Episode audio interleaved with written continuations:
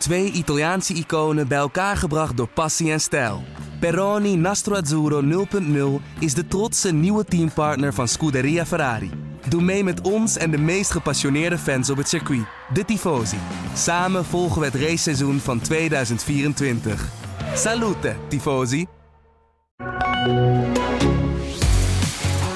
Nog een paar races. En dan is het voorbij dit seizoen. We gaan naar Brazilië. En we gaan in deze pitstop vooruitblikken op de race in Brazilië. Maar ook even kijken naar het afgelopen weekend. Want er gebeurde genoeg in de Formule 1. Arjan Schouten. Ehm, deze pitstop staat in het teken van Las Vegas, de toekomst. En Brazilië. Ben je eens? Ik denk dat we er niet omheen kunnen. Nee. Nee. Want ik, ik sloeg mijn Instagram open. Ik zette mijn Twitter open. Ik zette eh, andere eh, kanalen open die ik nog heb. Bosduiven. Bosduiven. Nou, die, die hadden wat minder. Maar, maar over, Ja, die komen nog. hè. overal Ja, zag ik... Ja, overal zag ik, eh, zag ik mensen voorbij komen in een Formule 1 wagen. En Ja. dan Op de strip. op de strip. Zie je spellers, Ja. de achtergrond, fonteintjes. De enige die nog ontbrak was Gordon Ramsay. Want die staat normaal ook bij elke Formule 1 Ja, wagen tegenwoordig. Die, die komt pas als het voor het echt is. Oh, dan is het echt, Gordon Ramsay werkt. Ja. Die gaat pas schelden als de camera's draaien. Maar dit was, eh, dat was één groot spektakel, toch? ja, ja, nee, zeker. ja, ik vond eh, het filmpje dat die Red Bull dwars door een casino rijdt, vond ik zeer geslaagd. Mhm. Ik vind dat mooi dat, dat dat dan...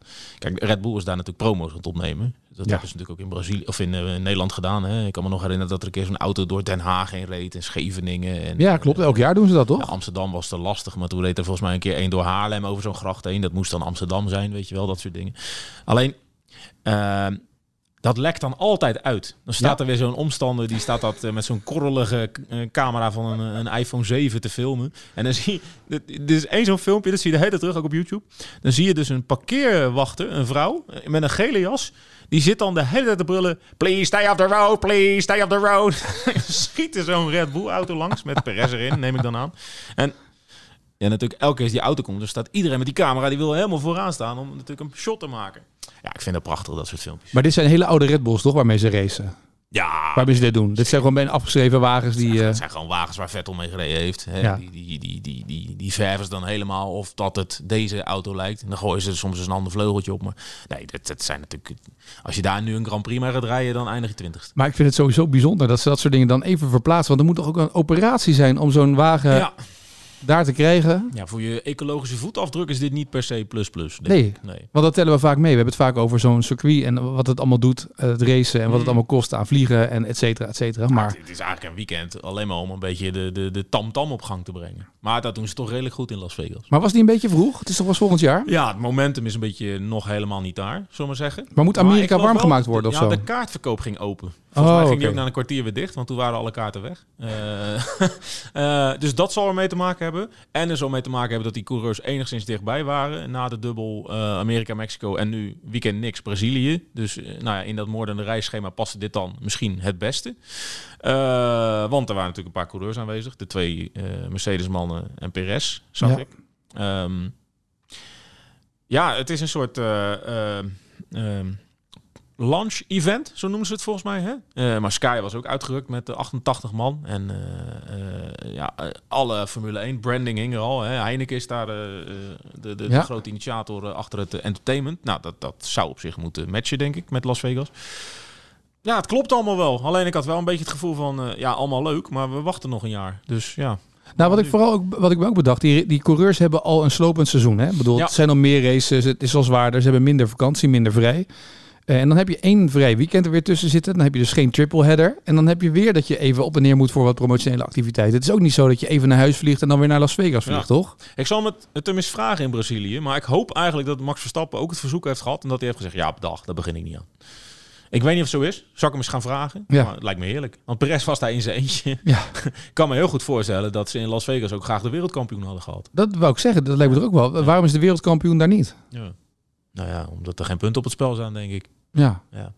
Maar dat, ergens heb je toch ook nodig als coureur om even niks te doen. Want Nou, bedoel, exact. Ja. je, bent, je, bent even, je hebt net precies dat je even naar huis kan. Je kan even op en neer. Je kan in je eigen omgeving rust pakken en dan weer Ja. door, toch? Ja, wat ook wel weer lollig is. Dan gaat het hele circus daarheen. En dan, dan- weet je, Amerika, jij, jij, jij bent er ook vaak geweest. Je weet hoe eh, eh, patriotistisch, is Ja. dat het woord? Ja, ja, Hoe zeker. nationalistisch Ja. ze zijn. En dan wordt er wel weer even pijnlijk duidelijk dat, dat het eigenlijk een sport is zonder een Amerikaan erin. Hè? Ja. Die komt misschien straks wel. Ja, een Amerikaan die eigenlijk niemand kent nog. Hè, bij Williams, die eh, surgeon. Eh, Maar kijk, dat had, dat had dit weekend natuurlijk ook wel goed kunnen gebruiken. Ja, Ik zou bijna zeggen, waarom eh, presenteer je hem dan niet? nou, omdat hij nog niet zijn punten heeft natuurlijk. Hè? Ja, ja, nou goed. Die moet waarschijnlijk nog wat superpunten ergens halen.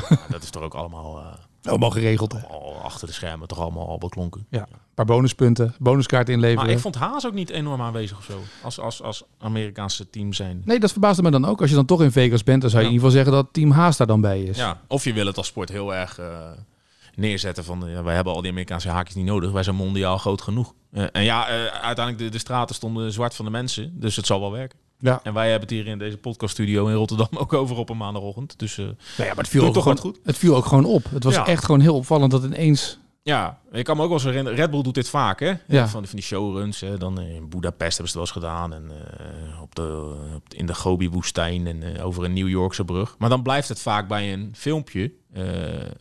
Soms is er wel eens een eventje in een stad en dan rijdt David Coulthard wat rondjes. Maar dit was wel echt groter dan groots. Dus Ja. ja, nou ja, chapeau. Ja, het was goed gedaan. Eh, eh, hoe was, eh, wat de grote afwezige de laatste tijd in alles is Ferrari.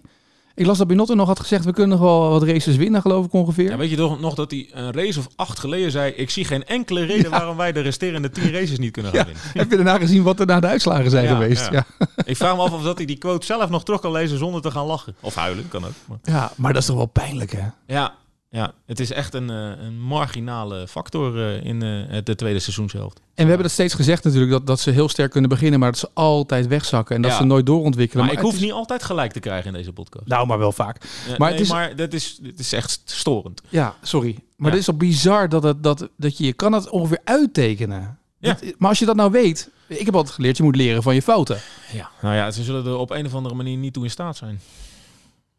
Maar wat is dat dan? Wat, wat, wat ben je dan voor team als je niet eh, kan leren van wat je in het verleden fout hebt gedaan en dat je dus door kan ontwikkelen en dat een wagen niet beter wordt, maar slechter? Ja.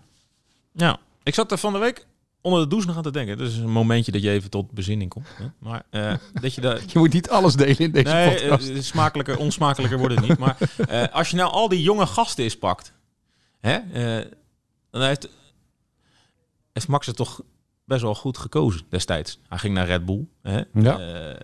En Red Bull was toen echt geen winnend team toen hij daar instapte. Vervolgens al die generatiegenoten, Lennon Norris, die, eh, die koos McLaren al heel vroeg. Maar ja, daar was de logische combinatie met Zack Browner.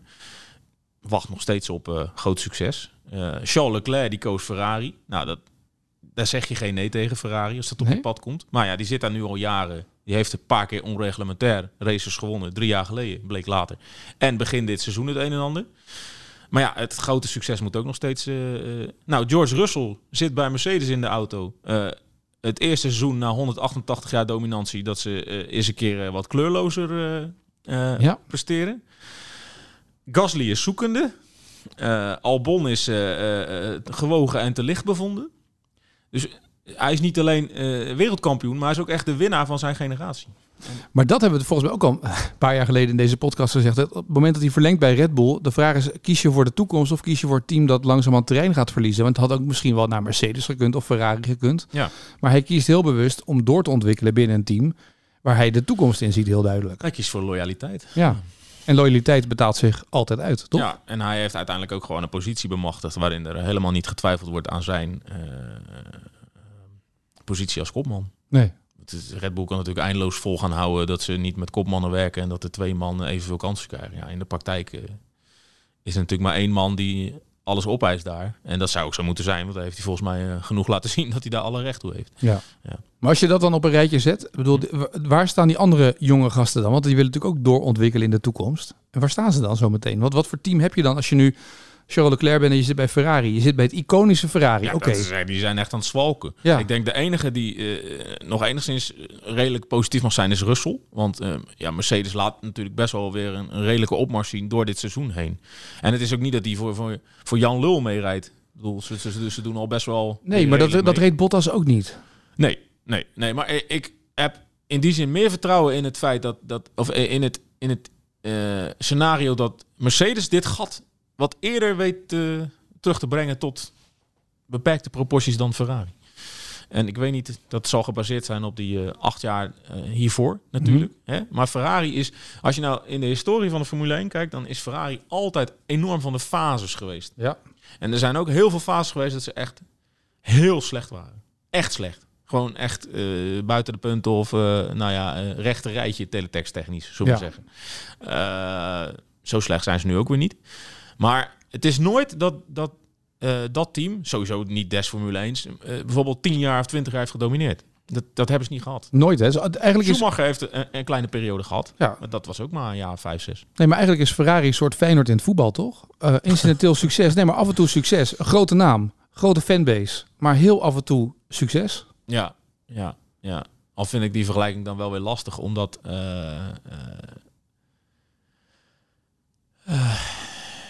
het mondiale succes wel meermaals is geweest.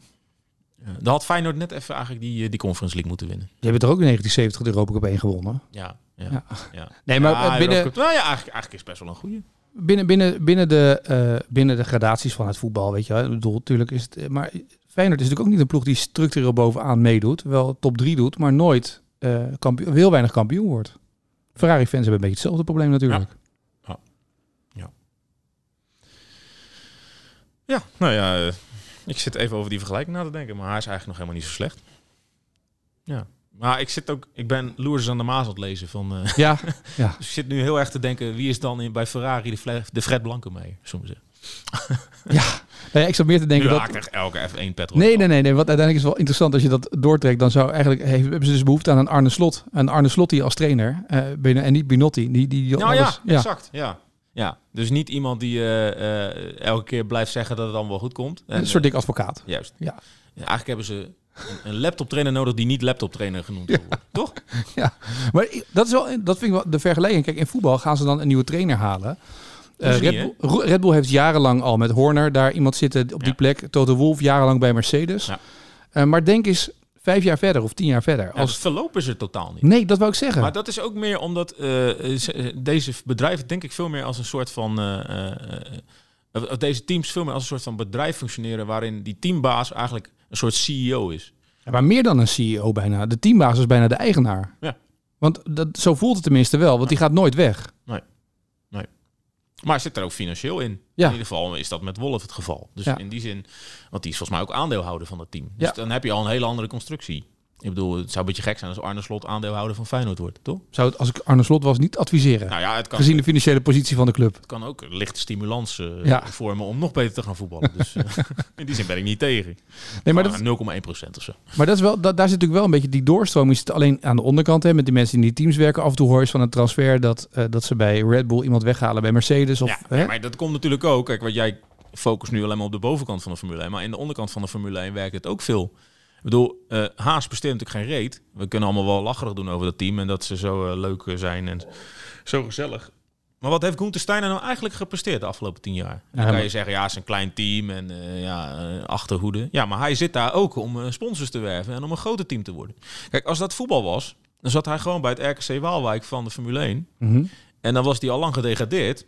En je weet wat dan voor mechanismes op gang komen in het voetbal. Dan flik je gewoon van je stoel af en dan zetten ze iemand anders in die dugout. Maar in de Formule 1 kan je niet degraderen, dus gebeurt dat ook niet. Nee, maar Haas spint er natuurlijk garen bij dat ze Gunther Steiner hebben zitten die in die serie op Netflix opvalt. Waardoor iedereen denkt ook wel even met Gunther Steiner op de foto. Ja, ja. Dat is natuurlijk de hele reden dat, het, eh, dat hij blijft zitten, Ik toch? zag eh, collega Louis van de NOS, die had zelfs een, eh, een, een soort belachelijk... Ik hoop niet dat hij hem aantrekt in Brazilië, dan ga ik echt niet met hem in een huurauto zitten. Maar een soort belachelijk Gunther Steiner shirt daar bemachtigd in de paddock... waarop stond van We look like a bunch of... Idiots, fucking idiots. Wank- wankers, Ja, ja wankers, die ja. Ja, maar als je, als je eh, teambaas een soort karikatuur wordt, Ja, maar dat kan dat ook lijkt me niet per se heel positief. Nee, maar dat kan, dat kan ook wel weer eh, een, een USP zijn ten opzichte van de andere teambazen. Een USP, ja. Een, een- unique selling point. Juist. Om maar even een mooi Nederlands... Oh, sorry, Je ja. begint nou wel heel erg... Nee, maar dat, eh, is toch ook, dat kan toch ook, dat kan toch ook, dat is in binnen Amerikaanse teams, binnen Haas, vind ik dat weer niet heel UPS ken gek. ik wel trouwens. Maar dat vind ik op zich niet zo heel gek, dat je een teambaas hebt die, die an- kijk, Williams zet ook een teambaas neer, Ja, nee, die ik, compleet anders denkt. ik vind het prachtig, maar uiteindelijk moet het wel in deze sport blijven draaien om gewoon vooraan eindigen. Daar gaat het niet meer om. Zoveel mogelijk gas geven. Als je weet dat je En achterin nu eindigt, gewoon een van de clown op die stoel, die Ja. dan af en toe iets geks roept. maar als daar sponsoren op afkomen, Of dan in een Netflix documentaire gaat lopen bellen met de Gene Haas. En, eh, en weer om. Ja, dan heeft hij weer een leuke scène waarin hij om geduld vraagt. nee, maar draai het om, draai het om. Stel dat eh Gunther Steiner niet eh, bij Haas teambaas was geweest. Was Haas dan zo vaak in beeld geweest in die Netflix documentaire serie? Nee. Was Haas dan uber, was Gunther Steiner, was, had iemand Gunther Steiner gekend als daar een hele... Ja, maar dit is dus een, een, een... Dat was even leuk, maar eigenlijk is dit een negatief bijgevolg van de... En nu ga ik een heel raar woord gebruiken. Oh. De Netflixisering van de Formule 1. Oh, de Netflixisering van de Formule 1. Vernetflixisering. Ja. Hoe zou ik het zeggen? Ja, wat jij wilt. Veramerikanisering. Ik denk dat we deze nog wel in de krant gaan teruglezen Stuk- deze komende Dis- dagen. stukje Disney sausje eroverheen. Maar uit- Pixar uiteindelijk, Plus. het past, je kan dit breder trekken. Dit is natuurlijk niet alleen in de Formule 1 aan de gang. Je ziet het ook heel veel, bijvoorbeeld in het voetbal. Mhm. Eh, Mourinho is eigenlijk ook een beetje een soort geval daarvan. Ik bedoel, ja, die teert op succes uit het verleden. Maar eh, laat zich de afgelopen tien jaar eh, vooral gelden als een soort van... eh, nou, dat doe ik hem tekort. Volgens mij heeft hij nog wel prijzen Je gewonnen. hebt wel prijzen gewonnen, ja. ja. Volgens mij nog met Manchester. volgens mij nog een Conference League ook vorig jaar. Ja. Ja. Maar... eh was dat vorig jaar? Ja. nee, maar dus, ik snap wat je bedoelt. wat ik bedoel. Maar bij uiteindelijk die camera... Special one, hè? Echt een, een karaktertje creëren. Maar dat is natuurlijk een beetje inherent aan de media zoals het nu in elkaar zit. Zelfs in de media gebeurt het dat, dat media, of dat journalisten bijna meningdragers worden. En dat Ja. die bijna groter worden in, in dan, dan... Wat zitten wij hier te doen? Nou ja, jij bent de influencer hier van ons twee. Ja, nee, jij niet. Met je Nee. unique USP. USP ja, points. ik help je nog wel bij met dit soort dingen. Nee, maar het is natuurlijk wel een beetje... dat is wel wat gebeurt natuurlijk. En dus ook Ja. die, die coureurs en die teambazen worden dan groter. Ja. Ja, ik vind het niet per se negatief. Het is best wel eh, vermakelijk om te volgen. Alleen het is natuurlijk best wel... Je, je kan er best je bedenkingen bij hebben bij zo'n proces. Ja. Want, Of, eh, maar dan klink je wel als een oude lul hè, als je dat zegt. dat mag dan maar. Maar ik denk dat eh, niet alleen een oude lul, maar de puristen. En puristen zijn vaak oude lullen. Maar eh, je bent natuurlijk niet de Formule 1 ooit gaan volgen. Het, ik zou, het zou het heel raar vinden als je verliefd wordt op de Formule 1, omdat je een teambaas die heel gek doet, blijkbaar grappig vindt. Ja, maar ik denk toch stiekem dat dat Ja, gebeurt. natuurlijk werkt Ja, dat. Als Ja, die Gunther het- Steiner langsloopt bij, bij, bij de fans, die wil iedereen op de foto met Het hem. mooie is, het een kan ook naast het ander bestaan. Ja. En er spint de Formule 1 alleen maar garen bij. En Maar dus heb je dit soort me mensen nou, nodig. Er zitten mensen, wat je, exact wat jij beweert, er zitten mensen op de hoofdburelen van de mediaafdeling van Formule 1 die dit heel goed beseffen. En ik denk dat, dat elk, elke sport heeft characters nodig. En elke sport gaat dit nodig hebben om het alleen maar groter te maken. En Ja. In elke... Wat ik maar wil zeggen, als je alleen maar character bent en je wint nooit, dat, is, dat proces is ook eindig, denk ik. Ja, dat zou heel goed kunnen.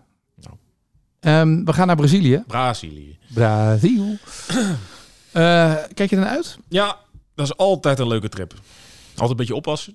Wou ik zeggen. Een gewapend vestje, eh hoe heet dat, een ge- eh, gewapend eh, vest aan en... eh, Ja, nee, je moet gewoon blijven nadenken wat je doet. Geen gekke dingen doen. Maar zo werkt het in Mexico-stad ook. En eh, nou ja, we kunnen nou wel net doen of dat wij in een veilig deel van de wereld wonen. Maar zo werkt het in, in sommige delen van Rotterdam ook. Dus ja, en je moet geen eh, eh, rare frats uit gaan halen. Je moet niet eh, s s'avonds laat in je eentje met een, eh, een laptoptas over straat gaan lopen. is niet handig. Nee, is niet handig. Nee. Nee. Nee. Nee. Met z'n tweeën ook niet trouwens. nee. Als jij met, met de collega Louis van de NOS daar gaat lopen met allebei een laptoptas, ook niet handig. De Windows laptop van AD kan nog, maar je Ja. moet niet de nieuwste MacBook en iPhone in je tas doen. Nee, dat is gewoon niet slim. Maar eh, alle gekheid op een stokje. Het is natuurlijk eh, Interlagos. hè? Ik hoop dat ik het goed uitspreek. Is echt een fantastische bestemming. Eh, heeft natuurlijk helemaal volgens huidige maatschappij niks te zoeken in die stad. Want iedereen die onder het circuit heen eh, woont, die hoort de geluiden, maar die kan dus echt niet betalen wat daar eh, Nee. gebeurt qua fanbeleving. Maar precies, het is wel echt een raceland. En ik vind het altijd wel een prestatie om daar eens een keer niet in alle Senna-cliché eh, trappen eh, te vallen. Want eh, ja, het lijkt wel een soort mechanisme als je dan naar Brazilië gaat, dat je dan weer allemaal verhalen over Senna. Weet je, waar ik me altijd enorm aan stoor, Nou, is, dat, dat ga je nu weer zien. Want er is zo'n knappe kop op diezelfde mediaafdeling van de Formule 1 waar we het net over hadden, die twee weken geleden dacht, hey, we gaan naar Interlagos. Laten we al die coureurs nog eens vragen naar hun herinneringen aan Ayrton Senna. Ja, dat was 15 jaar geleden leuk. Maar Lennon Norris was min 8 toen eh Ayrton Senna... nou, die had hele goede herinneringen aan hem. Ja, die Ja. heeft het allemaal op een VHS-videoband van zijn vader en moeder teruggekeken. Ja. Kijk, we zijn nu zoveel generaties verder. Kijk, alle lof voor Senna. hè. Het was een grootheid, een god. En goed dat hij nog steeds herinnerd en geëerd wordt. En daar eh, een groter eh standje met polo's heeft dan McLaren, Williams en Haas bij elkaar. Maar we hoeven het er niet steeds weer het hele weekend over te hebben als we daar zijn of in. Nee, maar over de doden niet zo goed. Ik bedoel, als je, als je eh, gestorven bent in het harnas, dan wordt dat jarenlang, dat, dat gaat nog de- 50 jaar door. Ja, nee, ja, zeker. Zo werkt het. En eh, ja, daar stoor ik me dan als uh, cynisch, cynisch voren af en toe wel eens een beetje aan. Dus jij gaat het hele weekend het woord Senna niet gebruiken. Nou ja, je kan er niet aan omheen. Alleen, eh, ja. Moet je dan weer naar die begraafplaats? Moet je dan weer gaan kijken hoe zo'n grafzerk eruit ziet? Nou, misschien is Moet je wel... dan weer op gaan tekenen dat, al die, eh, dat, dat, dat Max een nieuwe Senna is volgens al die Brazilianen? Ja, dat heb ik vijf jaar geleden ook al gedaan. Ja. ja. Schiet je daar nou mee op? Ja, weet ik niet. Nee. Ze doen het niet voor niets, toch? Ja, Keeping the eh, legend alive. Het is een soort echo. Een soort, ja, een echo uit het verleden. Ja. Als je, als je, er zijn toch wel mensen die zeggen, als je door je achteruitkijkspiegel kijkt, dan zie je minder dan door je vooruit. ja. Nee, maar eh, het is ook niet erg dat dat gebeurt. Alleen, ehm, eh, ik merk het wel eens bij nieuwe collega's om me heen. Die gaan dan naar Brazilië en die moeten dat dan per se doen. En die moeten dan daarheen en die moeten dan dat en die moeten dan dat standbeeld zien en die moeten dan... Als je de eerste keer gaat, ja. Het is alleen niet, het gaat je niet meer zo verrassen, probeer ik maar te zeggen. Ja. Het is, de goede man is eh, uit mijn hoofd bijna 30 jaar dood. Oh, dan komt er binnenkort de herdenking aan als het 30 jaar is. 94, Ja. 2024. ja, Kan niet kan niet anders. Eh, dat is ook niet erg. Eh, toen hij 25 jaar dood was, eh, heb ik zelf ook een groot verhaal Ja. gemaakt. Weet ik me nog te herinneren. Eh, maar ja, soms, soms, soms slaat het wel eens in de hoogste versnelling. En dan denk je, het mag wel een tandje minder. Oké, dan even naar de actualiteit van de race. Het wordt weer een sprintrace die we weer erbij hebben. Ja. Vind je de sprintrace in een nieuwe opzet zoals we hem dit seizoen gezien hebben nou een, een toevoeging? Want volgend jaar krijgen we er meer. Is het een toevoeging voor het raceweekend? Mm, mm. Op zich wel. Alleen ik snap wel dat mensen zeggen het is vrij gekunsteld. En het, het doet afbreuk aan het traditionele format. Eh, hoewel dat ook eigenlijk een kul argument is. Omdat elke een verandering afbreuk doet aan het originele format. Dat is nou eenmaal de consequentie van een verandering. Mhm. Het zou heel gek zijn als je iets heel anders doet. eh, dat het oude wat je deed daar beter van wordt. Ja. Toch? Maar het kan wel werken. Ik kan me nog vorig jaar bijvoorbeeld herinneren. toen Lewis Hamilton eh, een, een dramatische vrijdag had. En volgens mij als P, op 2 P20 aan de sprintrace begon op zaterdag. Vervolgens eh, eh, bijna het hele veld inhaalde. een karretje of 15.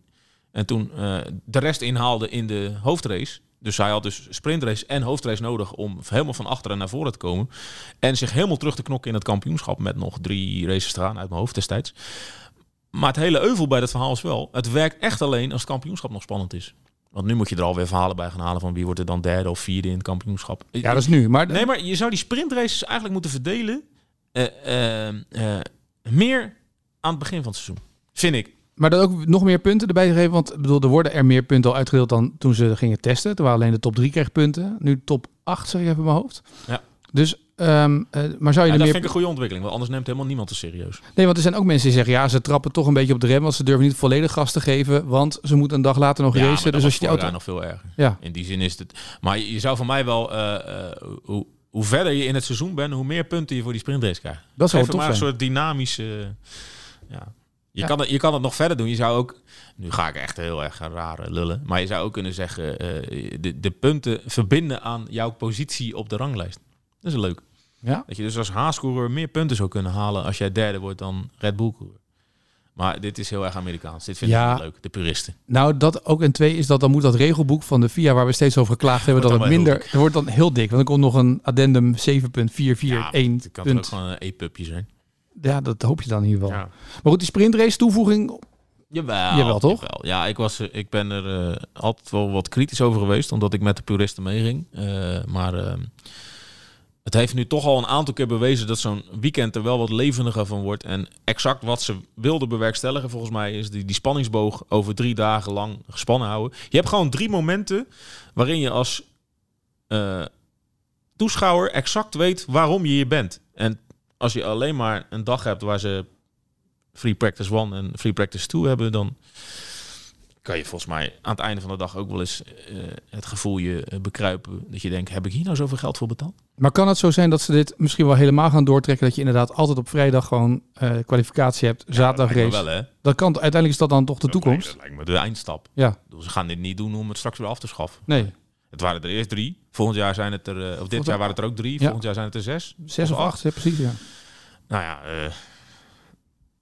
zet die ontwikkeling door en over vijf jaar zijn het ze gewoon alle 24. Ja, en dan heb je Het dus past ook je- gewoon prima in zo'n weekend. Eh, Ja. Alleen, ja, je moet dan wel eens eh, consequenties eh, nemen dat het, het seizoen gewoon duurder wordt. Mhm. Maar goed, dat, dat moet je dan allemaal weer in de budgetcap verrekenen. En misschien in de mankracht en in de... hoe heet dat? De uren dat die pitstraat open is. Dus dat je mag sleutelen aan die auto. Maar ja, ik denk dat er niet heel veel redenen meer te verzinnen zijn waarom dit in het ene weekend wel zou kunnen en in het andere weekend niet. Er zijn er zes, trouwens, voor de duidelijkheid. Zes eh, volgend, Volgend jaar. jaar, ja. ja. precies. Ehm, nou, op naar eh, Brazilië dan maar, toch? Ja. Heb je er een beetje zin in? Ja. ja. Ja. Goed zo. Het is alleen, het is wel een onmogelijke dubbelheader, hè? Want Qatar, of, eh, Abu Dhabi zit er meteen achteraan. Ja, dat komt het met WK. We kunnen niet langer daar in die woestijn, we moeten zo snel mogelijk daar naartoe. Ja, dat is niet helemaal waar, want dat WK was eerst later. Ja, Deze race is niet ver- verplaatst, maar het WK wel. ja. Ja. Nee, dat is waar. Ja. Ja. Ja, ik denk, ik moet je toch even corrigeren in deze. Want tot mijn verbazing kwam ik erachter. Kijk, ik ga naar Brazilië, dan kom ik terug in Nederland. Ja. Dan heb ik anderhalf dag in Nederland en vlieg ik door naar eh, Abu Dhabi. Ja. Eh, eh, met dank aan KLM, want ik had eerst een ochtendvlucht. Dus was ik maar iets van 12 uur in Nederland. Maar eh, die is er gewoon uitgegooid. Ja, is makkelijk. voorstellen. Dankzij Schiphol ook, hè? KLM die gooit Ja. er een, een, een woensdagvlucht naar Abu Dhabi uit. Terwijl eh, half Nederland daar Max wil gaan zien. Ja, nu is het allemaal niet meer zo belangrijk, want Max is toch wel kampioen. Maar goed. Ehm, maar dan, dan, dan heb ik dus Abu Dhabi gehad. eh, zondagavond. En dan, dan is de WK al begonnen. Ja. Want maandagavond speelt Nederland tegen Senegal. 300 kilometer verderop. En jij snapt, ik heb even gekeken of er nog tickets beschikbaar waren. Ja. En die zijn er nog. Je kan voor 175 euro op de tribune zitten. Dus, je hebt Bart Verkater lief aangekeken. Nou, eh, vervolgens, je moet er ook komen, hè? ja, Eh, want ja, 300 kilometer, ja, je kan gaan fietsen. Hè? Ja. Gebeurt wel. Milaanse Remo is ook 300 kilometer. Maar ja, eh, zonder volgauto in de woestijn zou ik dat niet heel erg Mhm. aanbevelen. Je kan vliegen. Kost je een kleine 800, 900 euro een retourtje. Mhm. Moet je eerst naar Dubai, dan naar Qatar, dan weer terug naar Dubai, dan naar Abu Dhabi. Nou, is niet echt heel voordelig. Je kan met een boot, ja, maar ja, dan kost je een nachtje. ja. Eh, kom je een beetje in tijdnood. Je kan ook met een auto, maar dan moet je een kleine strook Saoedi-Arabië door. Zou wel eens voor visumproblemen kunnen zorgen. Dus, Dus ik denk dat eh Schout hem gewoon thuis op de bank kijkt. Moraal het was een hele lange aanloop om gewoon te zeggen dat je thuis... We vliegen gewoon maandagochtend terug. We komen om een uur of drie 's middags eh, op Schiphol aan. We nemen een treintje terug naar Rotterdam. We trekken een biertje open. en je kijkt Nederland-Senegal. We kijken Nederland-Senegal Heel op de goed. NPO. Zo is het. Eh, nou, wij zijn er zondagavond weer. Heel laat, tenminste voor mij. Voor jou is het gewoon zondagavond. Ja, zeker. Ja, jij, Ja. Kan, eh, jij kan nog gewoon uren door. Ja, maar zoveel verschil is het toch niet? Uur vijf nog? Ja, weet ik niet. Jij zit in de tijd zonder larij. Volgens mij is die race Nederland 7 uur, kwart voor 9 afgelopen. Nou, tik ik even mijn stukjes. Wij nemen gewoon om een uur of 12 op. Dacht ik ook. Ja, goed plan. En dan is het, eh, ja, ja, ja, ja. Staat hij gewoon weer online. Tijdens naar bed. Precies. Ook wel lekker, hè? Zo is het. Goed. Eh dan spreek ik jou zondagavond laat. eh, vanuit eh, Brazilië. Ja.